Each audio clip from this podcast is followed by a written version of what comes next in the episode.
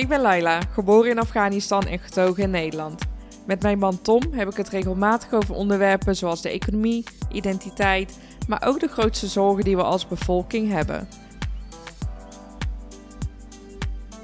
In dit seizoen van 10 afleveringen nodig ik elke week een gastspreker uit en behandelen we een aan Nederland gerelateerd onderwerp.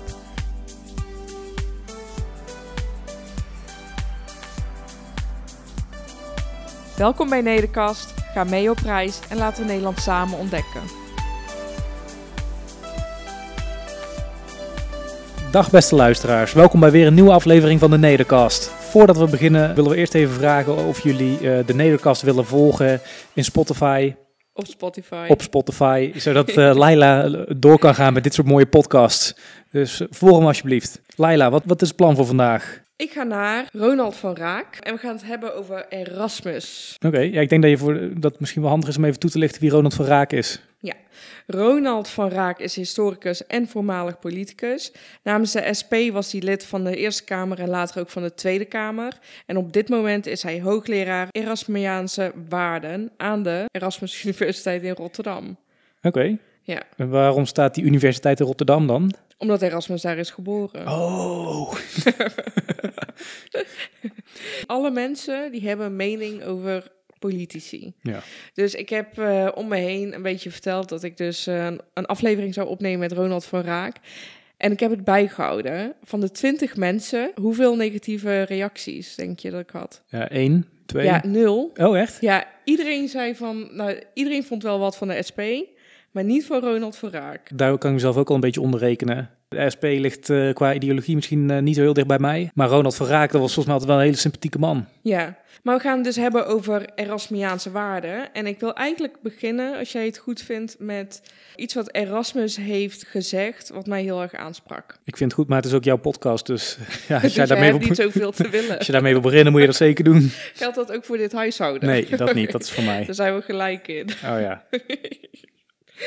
Oké, dus hij heeft gezegd: bomen kunnen wellicht opschieten als bomen, ook al blijken ze onvruchtbaar of dragen ze wilde vruchten. Paarden worden als paard geboren, ook al kan je er niks mee aanvangen.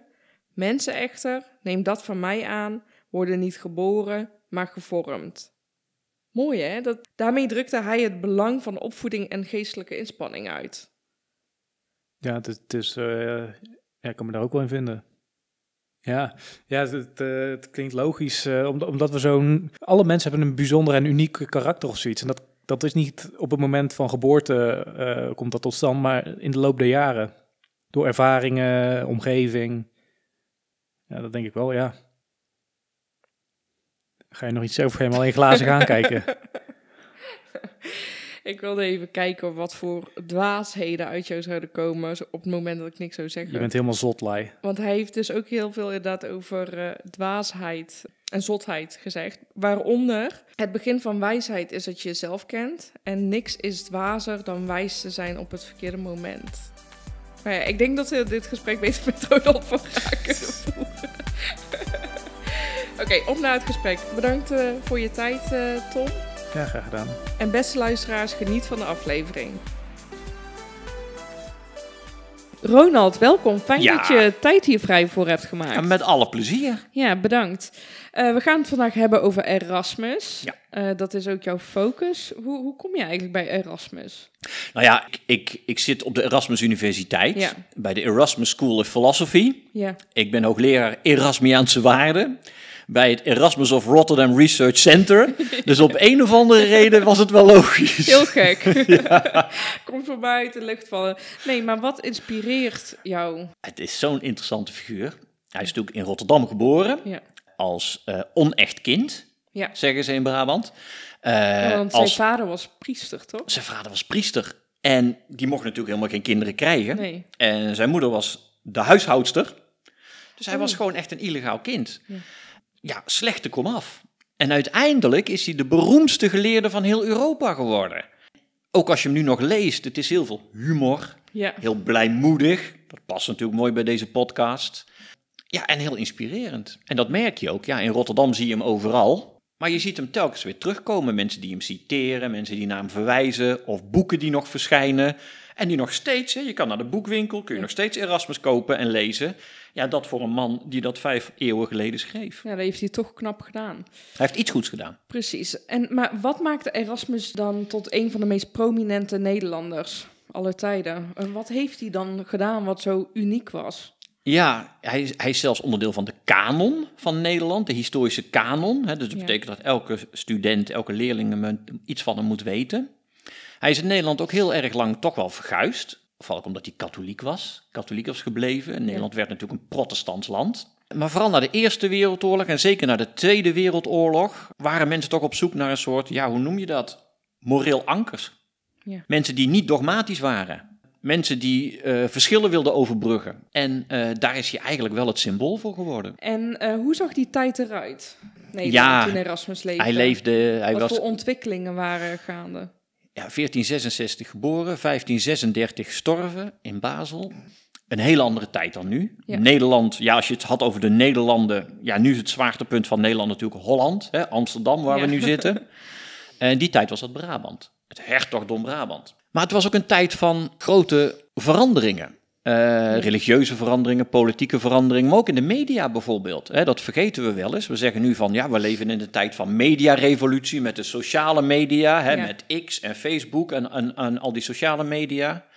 Ja, in zijn tijd had je ook een mediarevolutie, maar dat was de boekdrukkunst. Ja. Het ontstaan van boeken. Ineens, dat ging natuurlijk in een, in een mega versnelling. Het drukken van boeken en het verspreiden van informatie. Ja, want zijn vader, die dus eh, priester was, was Ja. monnik, die werkte in het Vaticaan Ja, en die was kopiist. Dus als je vroeger een boek moest hebben voor de boekdrukkunst, dan moest dat met de hand gekopieerd worden. dus zo'n boek was ontzettend, ja, dat was heel duur, Ja, heel elitair, heel, heel, ja, dat kon je niet zomaar kopen, dat was een fortuin. ja, Maar door de boekdrukkunst kon je gedachten drukken en die boeken kon je verkopen. Ja. En Erasmus die ging ook leven van zijn pen, dus hij was eigenlijk een van de eerste denkers die, die niet in een klooster zat, ja, die ook niet op een universiteit zat, maar die ging publiceren. ja. En hij is ook heel belangrijk geweest voor het ontstaan van wat we nou de publieke discussie noemen. Dus niet alleen dat je als twee mensen met elkaar een discussie hebt, Ja. maar een publieke discussie, zoals op een podcast bijvoorbeeld nu, Ja. had je dat in boeken. En waarom was hij daar, eh, had, speelde hij daar een grote rol in? Nou, in die tijd dat heb je altijd als je nieuwe media hebt, Ja. dan moet je daar natuurlijk mee leren omgaan. Hè, we hebben nu natuurlijk de nieuwe sociale media en de belofte van die bedrijven was natuurlijk van dan krijgen we meer contact en meer gemeenschapszin. Ja, En mensen over de hele wereld worden solidair met elkaar. Nou, het tegendeel lijkt het geval. Dus we zijn nou heel erg op zoek van hoe ga je nou met die nieuwe sociale media om? Ja. Mag je alles zeggen? Mag je alles gebruiken? Wat doen we met de data? Nou, zo waren ze in die tijd ook eigenlijk bezig met, ja, hoe gebruiken we nou dit Ja. nieuwe medium, de boeken? Je, je zei net, ehm, mogen we alles zeggen? Dat was in die tijd voor Erasmus. Hij was heel ruimdenkend, hè? Zo had je het epicurisme, eh, dus de filosofie van het genot. Daar werd heel bijzonder natuurlijk naar gekeken in die tijd. Maar hij interpreteerde dat als geestelijke genot. Dat Ja. is een van de dingen wat voor mij hem kenmerkt. Dus dat hij zo leuk. ruimdenkend was. Ja. Eh, is dat ook zo? Was het op alle vlakken zo? Nou, hij lustte wel een wijntje. Oké. Eh, hij leefde wel heel sober.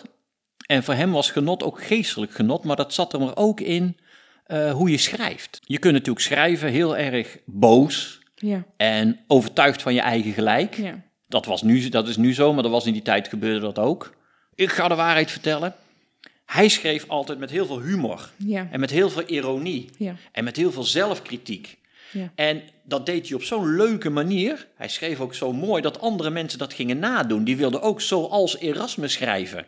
En zo heeft hij heel veel invloed gehad over hoe je je eigenlijk mengt in een publiek debat. Hoe, Ja. hoe je daar aan meedoet. Je zei toen net hè, voor de opnames dat, je, dat het ook eh, verbindend werkte, die humor die hij had. Ja. Met de ironie waarmee hij. Ja, eigenlijk leerde hij zijn tijdgenoot hoe je moet schrijven, lezen en denken. Ja, Nou, schrijven deed je dus met humor en ironie en zelfkritiek. Ja. Maar lezen, dat leerde hij ook. Als je een tekst hebt, moet je dat niet zien als dit is de waarheid en daar ben ik het wel of niet mee eens. Nee, een tekst is een uitnodiging. Iemand Ja. die schrijft iets en die wil dus met jou in een discussie Ja. van gedachten wisselen. Ja. En dan moet je dus leren om te bedenken wat iemand bedoelt. Waarom zegt iemand iets? En wat bedoelt hij daarmee? En hoe kijkt die, die meneer of mevrouw nou tegen de wereld aan? Het is eigenlijk heel, heel ruimdenkend. Dus niet ruimdenkend alleen over de onderwerpen, maar ook dus als je op dat niveau denkt, eh, denk ik dat je op dat niveau ook de discussie aan kan gaan. En dat je ook jezelf echt open stelt voor eh, andere informatie. Ja, de manier waarop. Ja, Dus het ging er me niet om dat je iets wel of niet mag zeggen of een bepaald Precies. onderwerp wel of niet mag bespreken. Nee, je kan alles bespreken, Ja. maar het gaat erom de manier waarop je dat doet. ja. Hey, eh, Erasmus, je zou kunnen zeggen dat hij niet alleen Nederlanders, maar ook hedendaags Europa probeerde op te voeden. Dat deed Ja. hij niet alleen eh, door het christendom door ieder strot te duwen, maar hij vond het heel belangrijk wat nou de boodschap was. Om de nadruk te leggen op het vormen van rechtvaardige mensen. Is dat hem gelukt in die tijd? Eh, hij vond zelf van niet. Oké, waarom? Je moet je voorstellen, hij leefde in een tijd dat de Rooms-Katholieke Kerk was heel dominant. Eh, de dogma's van de kerk. De kerk Ja. vertelde wat je moest doen. Ja, En de kerk zei, als je onze regels volgt, Ja. dan ben je een goed mens. Ja. Dat vond Erasmus heel dom. Hij zei, je moet niet iets doen omdat je de regels van de kerk volgt, of de regels van de politiek. Je moet iets doen omdat je er zelf wil, omdat je ervan overtuigd bent. ja, En om ergens van overtuigd te raken, moet je erover praten, moet je erover nadenken. ja, Eh, en dat wilde die mensen leren. Dat wilde die de politici van zijn tijd leren. De koningen, de vorsten, de bisschoppen, de paus, maar ook alle kinderen van zijn tijd. ja, Dat is ook wat, wat hem nu nog steeds heel interessant maakt. Eh, hij had dus heel veel kritiek op de kerk. ja, Maar, en die kritiek werd overgenomen door mensen als Luther en Calvijn, hè, wat we nu de Calvinisten Ja. noemen. Die baseerden zich op de kritiek van Erasmus, maar gingen vervolgens een nieuwe leer maken, een nieuw dogma. Ja. En die Calvinisten en die Lutheranen, die waren nog dogmatischer dan de paus. ja. En toen dacht hij van ja, ik ben niet bereid om het ene dogma voor het andere in te leveren. Lijkt me wel een hele sterke, maar moeilijke beslissing in die tijd. Nogal. Toch? En ook de dingen waar hij over schreef, misschien met ironie, misschien verbindend. Maar liep hij geen eh, levensgevaar? Ik bedoel, de uitspraken die hij deed over eh, de bestuurders van het land. Ja, Eh, en over inderdaad geloof. eh, dat, dat was nogal wat in die tijd, of niet? Nou ja, om een voorbeeldje te noemen. Een heel belangrijk uitgangspunt voor de katholieken en de protestanten was dat mensen van nature zondig zijn.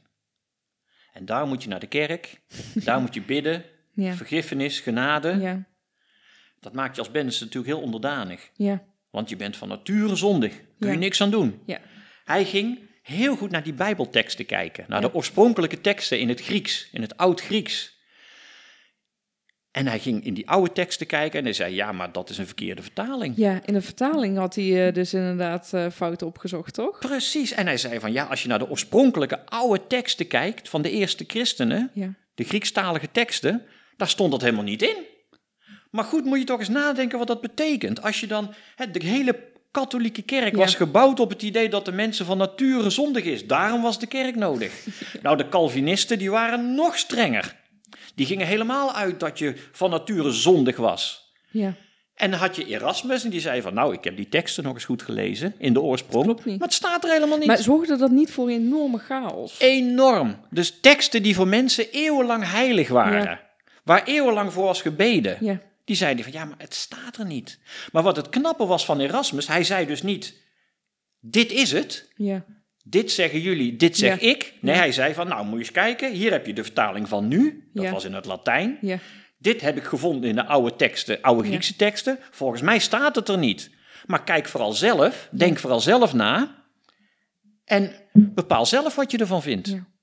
Ik moet zeggen, hoe, je, hoe hij het dus zei, dat, ik vind dat ook wel heel Nederlands klinken, toch? Alles is ter discussie te stellen. En dat is ook precies wat hij deed. Ja. Hij, hij, zelfs het woord van God, Ja, niks was heilig. Nou, Ja. dat is herkenbaar. Zelfs het woord van God ja, was niet heilig in die zin dat je het zelf mocht onderzoeken. ja. Ja, dat was in die tijd een ongelofelijke revolutie. Voelde hij zich een Nederlander?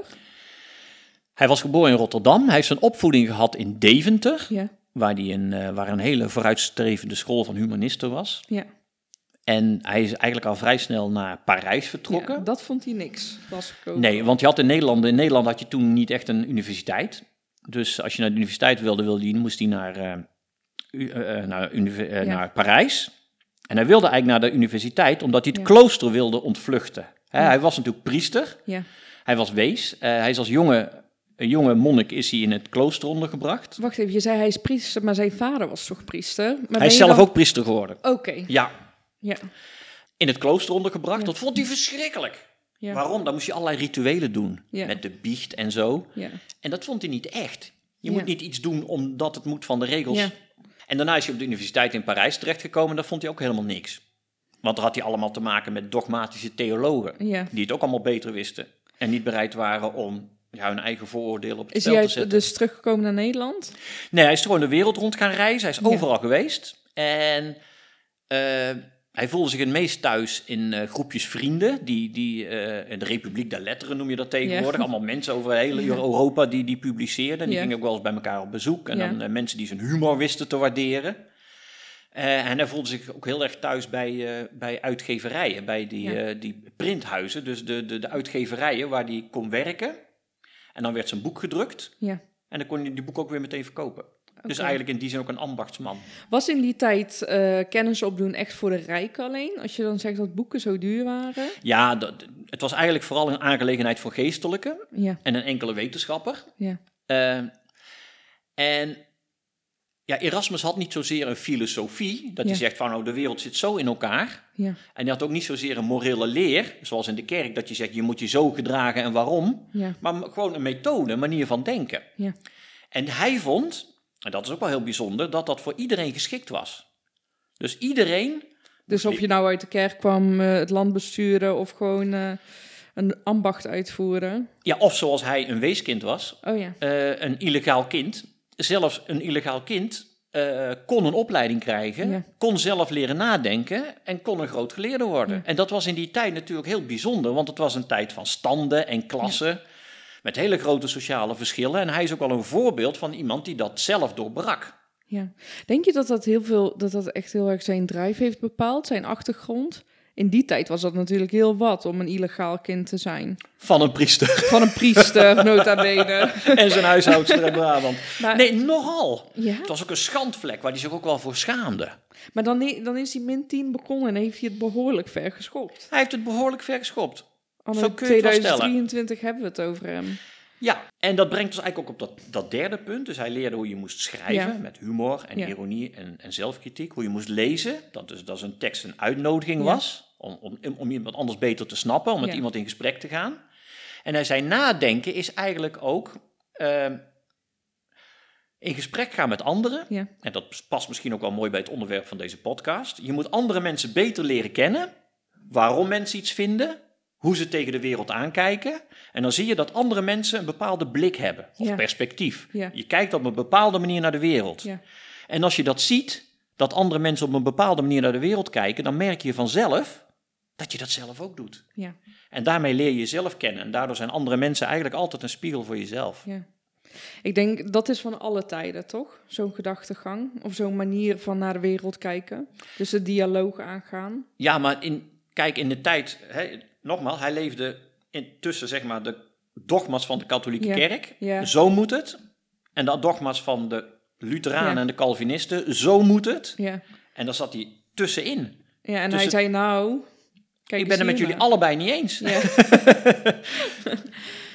In die tijd vond eh, Erasmus dat het bestuur van Nederland gekozen moest worden en dat de mensen eh, ervoor gestudeerd zouden moeten hebben. Denk je dat hij, in, nou in deze tijd is dat ook zo, Eh, denk je dat hij in deze tijd gelukkiger zou zijn geweest dan in de tijd dat hij leefde? Ja, dat kun je nooit weten. Nee. Dat kun je Maar het, plaatje is wel ehm, nu hoe hij het eigenlijk voor ogen had, toch? Ja, nou kijk, een democratie, eh, mensen gekozen, nee, dat, was in, dat is pas van veel later. Kijk, mensen kiezen, dat was in de tijd van Erasmus, in de 16e eeuw eigenlijk een, een ja, daar kwamen mensen niet eens op. Nee, precies.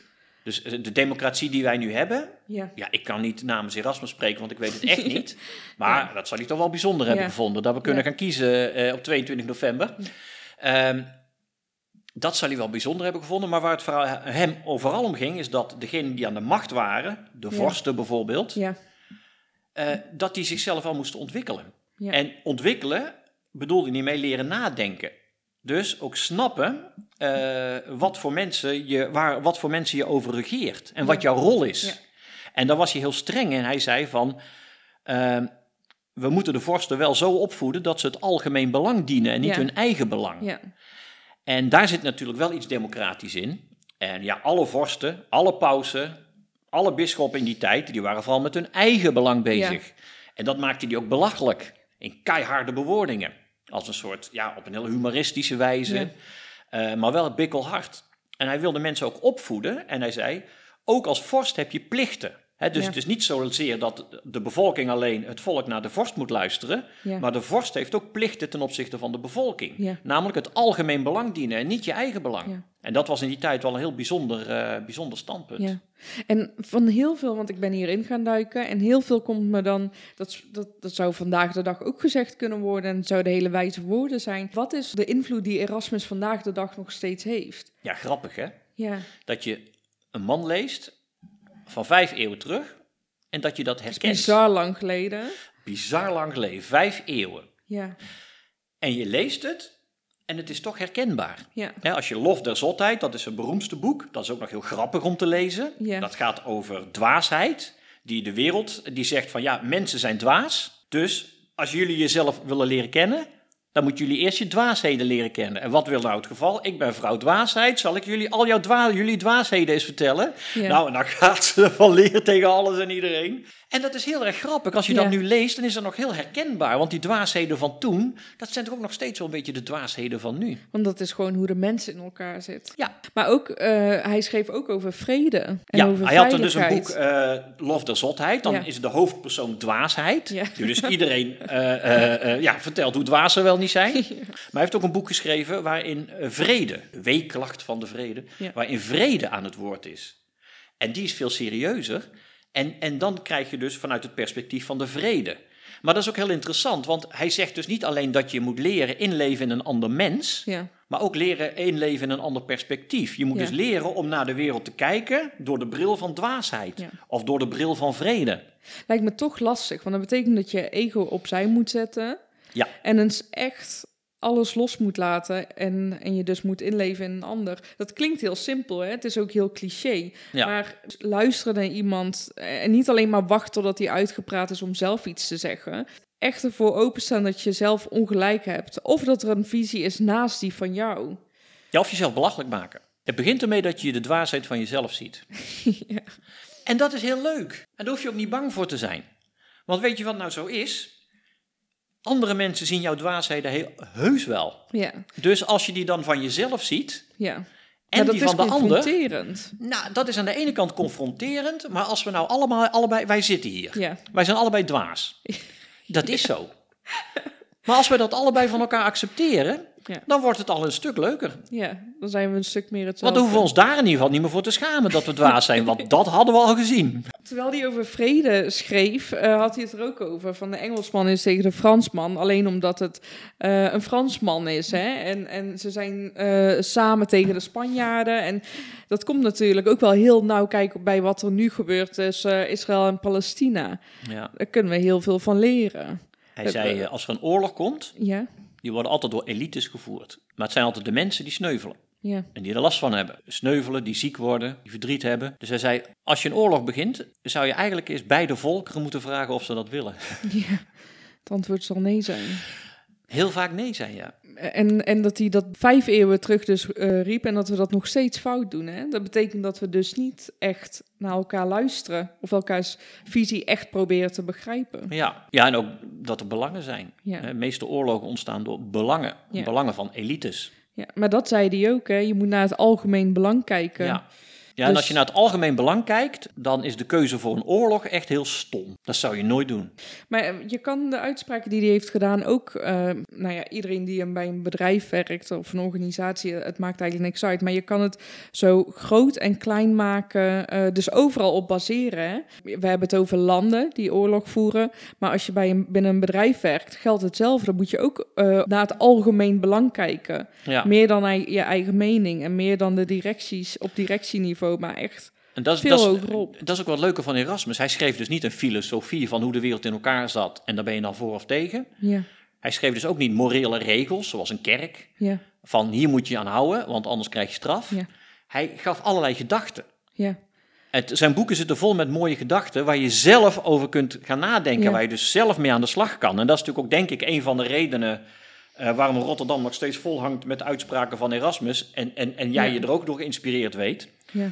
Eeuwenlang zijn mensen met die gedachten aan de gang gegaan om daar zelf over na te denken. En dat Ja. is precies de filosofie van, eh, van Erasmus. Dat maakt hem dus zo populair. Ik heb het idee dat hij vandaag de dag dat hij ook in populariteit steeds stijgt. Ja. Toch, we vergeten hem niet per se. Nee, Eh, het lijkt wel alsof in deze tijden we hem er juist even bijpakken. ja, er ligt een mooie biografie naast Ja. je van Sandra Langerijs. Ja, er Die staat is- op dwarsdenker. Ja, Kan je daar iets over zeggen? Ja, omdat hij altijd probeerde dogma's te doorbreken. Ja, Dus eh, je mag alles vinden, behalve als je er dogmatisch in bent. als je het als een dogma ziet, sluit je namelijk anderen uit. Dus je mag alles vinden, behalve als je dogmatisch bent. En dan gaat hij er dwars doorheen. Oh, ja. Maar het feit dat er zo'n eh, biografie is verschenen... en dat ik met Erasmus bezig mag op de Erasmus Universiteit... en dat jij er een podcast over maakt... eh, ja, laat zien dat hij op eigenlijk heel erg populair Ja. is, ja. Welke invloed heeft hij vandaag de dag nog meer? Hij wordt heel vaak van stal gehaald eh, als er hele ingewikkelde conflicten zijn.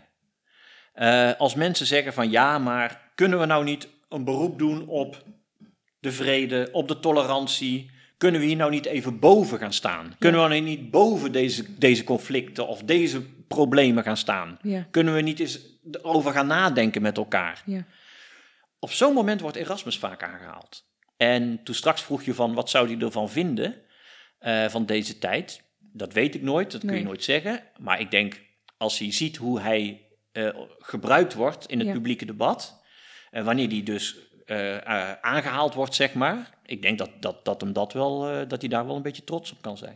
Wordt hij in de politiek bijvoorbeeld eh, heel erg aangehaald? Ehm, ik heb dat wel eens nagezocht, eh, want je kunt natuurlijk alles wat in de politiek wordt gezegd ehm, eh, terugvinden in de handelingen van de Tweede Ja. Kamer. Eh, die kun je ook doorzoeken, dus ik heb Ja. dat op Erasmus ook wel eens gedaan.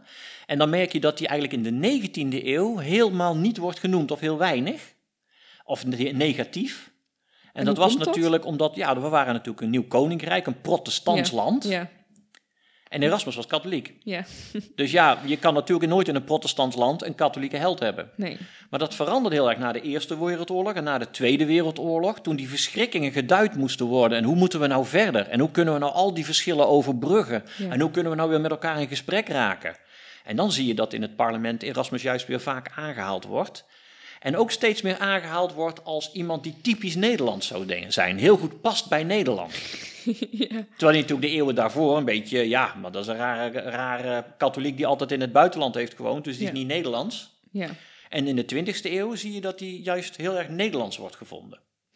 Hij, eh, nou ja, de boeken die hij vijf eeuwen geleden heeft geschreven, dat is eh, denk ik wel onleesbaar voor, eh, voor bijvoorbeeld mij. Hoe kunnen we het beste dus eh, opzoeken wat Erasmus allemaal zegt en vindt? Ehm, ja, hij, hij heeft honderden boeken geschreven. Ja, Als je de boeken uit die tijd neemt, die kun je niet lezen. nee. Eh, Nederlands is heel erg veranderd, maar Ja. hij schreef ook bovendien in het Latijn. Ja, dus dat valt sowieso niet mee.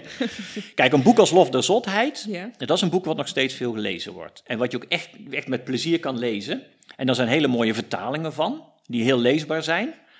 Eh, maar er is ook nog een instapmodel, zoals je dat dan noemt. En dat is Sandra Langerijs, die ook die mooie biografie heeft geschreven. ja, Die heeft ook een hertaling gemaakt. Dus niet een vertaling, maar die heeft het boek eigenlijk opnieuw geschreven in onze tijd. Dus eigenlijk als een nieuwe Erasmus. Dat Ja. boek opnieuw geschreven. En dat heet Erasmus Lof der Zotheid door Sandra Langerijs. En eh, dat is heel leuk om mee te beginnen. Dat is gewoon ook heel... Ja, en, en, en dat is een leuke eerste kennismaking. Eh, even nog twee vragen, want Erasmus, de meningen zijn verdeeld of hij überhaupt een filosoof is. En hoe komt dat? Ja, dat is interessant, omdat hij natuurlijk niet... Kijk, Spinoza heeft een hele grote filosofie geschreven. Ja. En andere filosofen schrijven ja, systematische filosofieën. Ja, Dat heeft hij niet gedaan. Nee. Hij heeft een manier van denken geleerd. Maar ik vind dat ook filosofisch. Kijk, iemand als Socrates heeft ook Ja. nooit een filosofie geschreven. Maar we zeggen wel, je hebt een Socratische manier van denken. ja, Nou, mijn idee is dat je ook een Erasmiaanse manier van denken hebt. En wat is dat? In één zin, leer je inleven in het denken van anderen. ja. Want dat is de beste manier om jezelf te leren kennen. Heel ethisch klinkt het allemaal ook. Ja, het was echt wel een... eh, eh, ja, zijn filosofie is ook wel een morele filosofie. Ja, Maar dan niet met regels. Je bent een goed mens als je dit en dat aan die regels volgt. ja, Maar je bent een goed mens als je je blijmoedig bent, Ja, eh, met humor schrijft, ja. jezelf relativeert en je inleeft in anderen. We kunnen veel van hem leren, denk ik En het zo. is ook heel leuk. Hè, Het is niet een filosoof dat je denkt van, oeh, dat is zware kost. Eh, Het is altijd lachen met de man. Ja, ja, ja, dat klopt. Is je hij heel bekend over de hele wereld? Of, of is het vooral eh, Nederlands trots? Nee, we hebben in Erasmus eh, op Esville hebben we ook een Erasmus zeg maar studiecentrum. Ja. En daar hebben we contact met mensen over de hele wereld die zich met Erasmus bezighouden. Ja. En dat is ook heel leuk om te zien, want door de tijd heen is hij door mensen ook weer heel anders geïnterpreteerd. Ja. En je ziet ook in andere, in andere landen, in andere culturen, wordt hij ook weer heel anders geïnterpreteerd. Als mensen in, in Amerika of, of in Israël of in Japan ermee bezig zijn, ja, die zijn er weer anders met Erasmus bezig dan, dan wij. Hey, en Ronald, jij geeft les. Eh, Ja. Dat zijn dan, eh, heb je ook verteld, eh, voornamelijk buitenlandse studenten. Ja, soms. Ja, voor sommige, voor, voor sommige opleidingen. En dan vertel je iets over Erasmus. Hoe wordt erop gereageerd? Wat vertel je de, de buitenlandse studenten, of in ieder geval alle studenten? Nou, al- vooral als er studenten uit het buitenland komen, Ja. vaak uit Aziatische landen ook. Ja. Ja, die komen op de Erasmus Universiteit in Nederland, maar die weten niks van Nederland, die Ja. kennen Erasmus niet. Dus dan mag ik wel eens een, eh, een, een introductie houden, een Ja. lezing. En dan ga ik vertellen over Erasmus, maar ook over onszelf. Ja, want je vertelt dan ook echt iets over de Nederlandse cultuur, als je iets over Erasmus vertelt. Ja, en dan vertel ik vaak, want dat zijn natuurlijk ook de ervaringen die ze hebben. eh, ja, wij, wij doen in Nederland niet zo aan hiërarchie. Nee. Dat is echt anders dan in andere landen. Ja. En we vinden het in Nederland juist. Kijk, in, in veel andere landen is het ongemakkelijk als je je heel erg uitspreekt. Ja. Wij vinden het juist heel ongemakkelijk als mensen zich niet uitspreken. Ja, Wij willen weten wat iemand denkt. Ja. En als die niet mee eens, we, zijn veel, we hebben veel liever dat we het er niet mee eens zijn, want dan weten we wat iemand vindt, dan dat hij zijn mond houdt. Ja. Nou, dat is voor mensen vanuit het buitenland heel opmerkelijk. En wij zijn natuurlijk ongelooflijk bot. Direct. Ja. Wij zeggen alles wat we vinden. Ja. En dat is heel Erasmiaans. Ja. Dat is wat Erasmus ook zei. Hè? Dat zei ja, je moet gewoon zeggen wat je vindt, want dan weet je in ieder geval wat je aan elkaar hebt. Ja. Dat is het begin van een gesprek, zijn begin van een toch gedachte. allemaal dwazen. Toch? Juist. ja. Eh, dat geldt ook in het buitenland, maar Ja. daar zijn ze weer op een andere manier dwaas. Maar dan merk je wel, juist doordat je met die buitenlandse studenten in gesprek gaat, hoe typisch Nederlands is. Dat je dat heel erg toch kan afkaderen. Ja, Hoe, hoe gaan ze daarmee om? Vinden mensen dat een verademing? Of toch wel een beetje bijzonder? vaak vinden ze Nederland heel open. Ja. Eh, Vinden ze Nederland. Ja, wij, kijk, als wij het over Nederland hebben, Ja. dan eh, zitten we te klagen Ja. en het gaat niet goed. En we, we, we polemiseren en, en, en het is niet meer leuk in Nederland. Ja. Ja, die buitenlandse studenten die hier dan eh, komen en voor het eerst kennis maken, die vinden juist over het algemeen Nederland een heel vrolijk land. Ja. En Nederland is heel open en vrolijk. Ja, ik las iets over, de, eh, ik weet niet meer wie dat had geschreven, maar iets als in, eh, al jammerend zijn we de gelukkigste mensen op aarde of zoiets. Ja. Weet je wel, echt typisch. Dat klinkt ook Nederlands. Ja. En ik weet niet of die buitenlandse studenten dat dan uit aardigheid zeggen, maar ze vinden het ook echt wel. Ja. Ja, en dan heb ik bijvoorbeeld een inleiding over Erasmus. En dan begin ik te vertellen dat het een bastaardzoon was. En Ja. van lage kom af. En dat hij maar heel kort in Rotterdam had gewoond. En ja, of hij eigenlijk Nederlands is, dat weten we eigenlijk niet. Want hij is toch meer Europeaan. Ja. En dan vraag ja, dat, dan vinden mensen dat heel, heel raar. Want als je in, ja, ik noem maar wat, Turkije of zo. Als je daar een universiteit hebt die eh, naar iemand is genoemd. Ja, je gaat Atatürk niet belachelijk maken. Nee, nee, nee, nee, absoluut niet. En dat geldt voor alle landen. ja. Ja, en in Nederland is dat, vindt eigenlijk niemand dat raar dat je Erasmus ook eh, op de korrel neemt. Maar dat is met alles. Ik was laatst op vakantie in Oman en zie je de foto van de sultan overal hangen. Ja, Ik denk dat je daar echt niks over mag zeggen. Maar dan kom je in Nederland en dan is de koning ook maar gewoon iemand of zo. Weet je al, die een eigen podcastshow heeft. En, eh, ja jullie staan op gelijke voet. Jullie hebben allemaal een podcast. dus ik zelf denk wel, want ik, je hebt dan de Afghaanse cultuur die ook lang niet direct is, waar je ook niet alles mag Nee. zeggen. Maar ik moet zeggen, ik denk eh, dat als eenmaal iemand is gewend aan de openheid in Nederland, dat je het ook niet meer anders wilt hebben. Dat heb je zelf ook ervaren dus. Ja, eh, het heeft mij eh, wel gevormd zoals dat ik ben. En Ja. ik zou daar niet in terug kunnen, want het zou als een aantal stappen terugvoelen. Grappig hè, want dat vind je aan jezelf dus heel Nederlands. Ja. En dat is toch iets, iets, iets wat heel moeilijk te benoemen is. Ja. Want wa- als je mensen nou vraagt, wat is typisch Nederlands? Dat, Ja. weet ik veel. Dan eh, krijg je eh, klompen, molens en tulpen. Maar dat is het natuurlijk niet. Het is Nee. natuurlijk dit. Het is Alleen het zeker is best dit. moeilijk te benoemen wat dat is. Ja, nou voor mij, ik word best wel vaak met de neus op de feiten gedrukt als ik even toch dat meer dat Afghaanse opzoek. Dan zie ik de verschillen heel goed. Het, eh, inderdaad, wat je zegt, je noemt het botheid, nou directheid, hoe je het ook wil noemen. Dat is in de Afghaanse cultuur een stuk minder. En in Tilburg een stuk meer. En in Tilburg weer veel meer.